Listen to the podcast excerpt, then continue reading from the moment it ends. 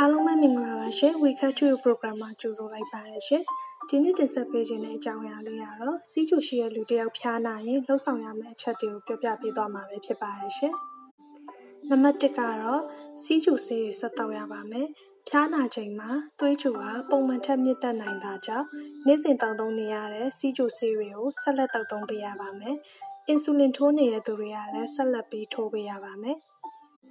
နံပါတ်2အချက်ကတော့ သွေးရင်းတကြားတက်ကိုမကြမကြစစ်ဆေးပေးရပါမယ်။ဖျားနာနေချိန်မှာသွေးရင်းတကြားတက်ကို3နာရီကြာတစ်ခါသို့မဟုတ်4နာရီကြာတစ်ခါသွေးကြိုတိုင်းပေးရပါမယ်။သွေးရင်းတကြားတက်မြင့်နေခဲ့မယ်ဆိုရင်ပုံမှန်ထက်အီဆိုလင်ပမာဏကိုတိုးပြီးအသုံးပြုပေးရပါမယ်။ပြီးတော့ရေကိုလုံလောက်စွာတောက်ပေးရပါမယ်ရှင်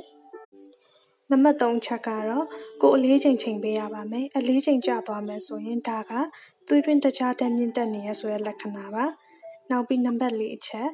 အဖျားတိုင်းပေးရပါမယ်။ကိုယ်တွင်းမှာ အဖျားရှိနေတာက ရောဂါတစ်ခုခု ခံစားရတော့မယ်ဆိုတာ ပြသနေတာပဲ ဖြစ်ပါတယ်ရှင်။နံပါတ်5အချက်ကတော့ ပြည့်ပြည့်ဝဝ အနားယူရပါမယ်ရှင်။အေးရေးဝဝလည်း အိပ်ဆက်ရပါမယ်ရှင်။နံပါတ်6ချက်ကတော့ အဖျားမဖြစ်အောင် ကာကွယ်ရပါမယ်။ဘလို့ကာကွယ်ရမလဲဆိုရင်တော့ လက်ကိုတန့်စင်စွာ ဆေးကြောရပါမယ်။အာဟာရပြည့်ဝအောင် စားသုံးပေးရပါမယ်။အေးရေးဝဝ အိပ်ပေးရပါမယ်။ ပြီးတော့တကိုယ်ရည်သန့်ရှင်းရေးကိုလည်းဂရုစိုက်ရပါမယ်။နောက်ပြီးတော့ကာကွယ်ဆေးလည်းထိုးရပါမယ်ရှင်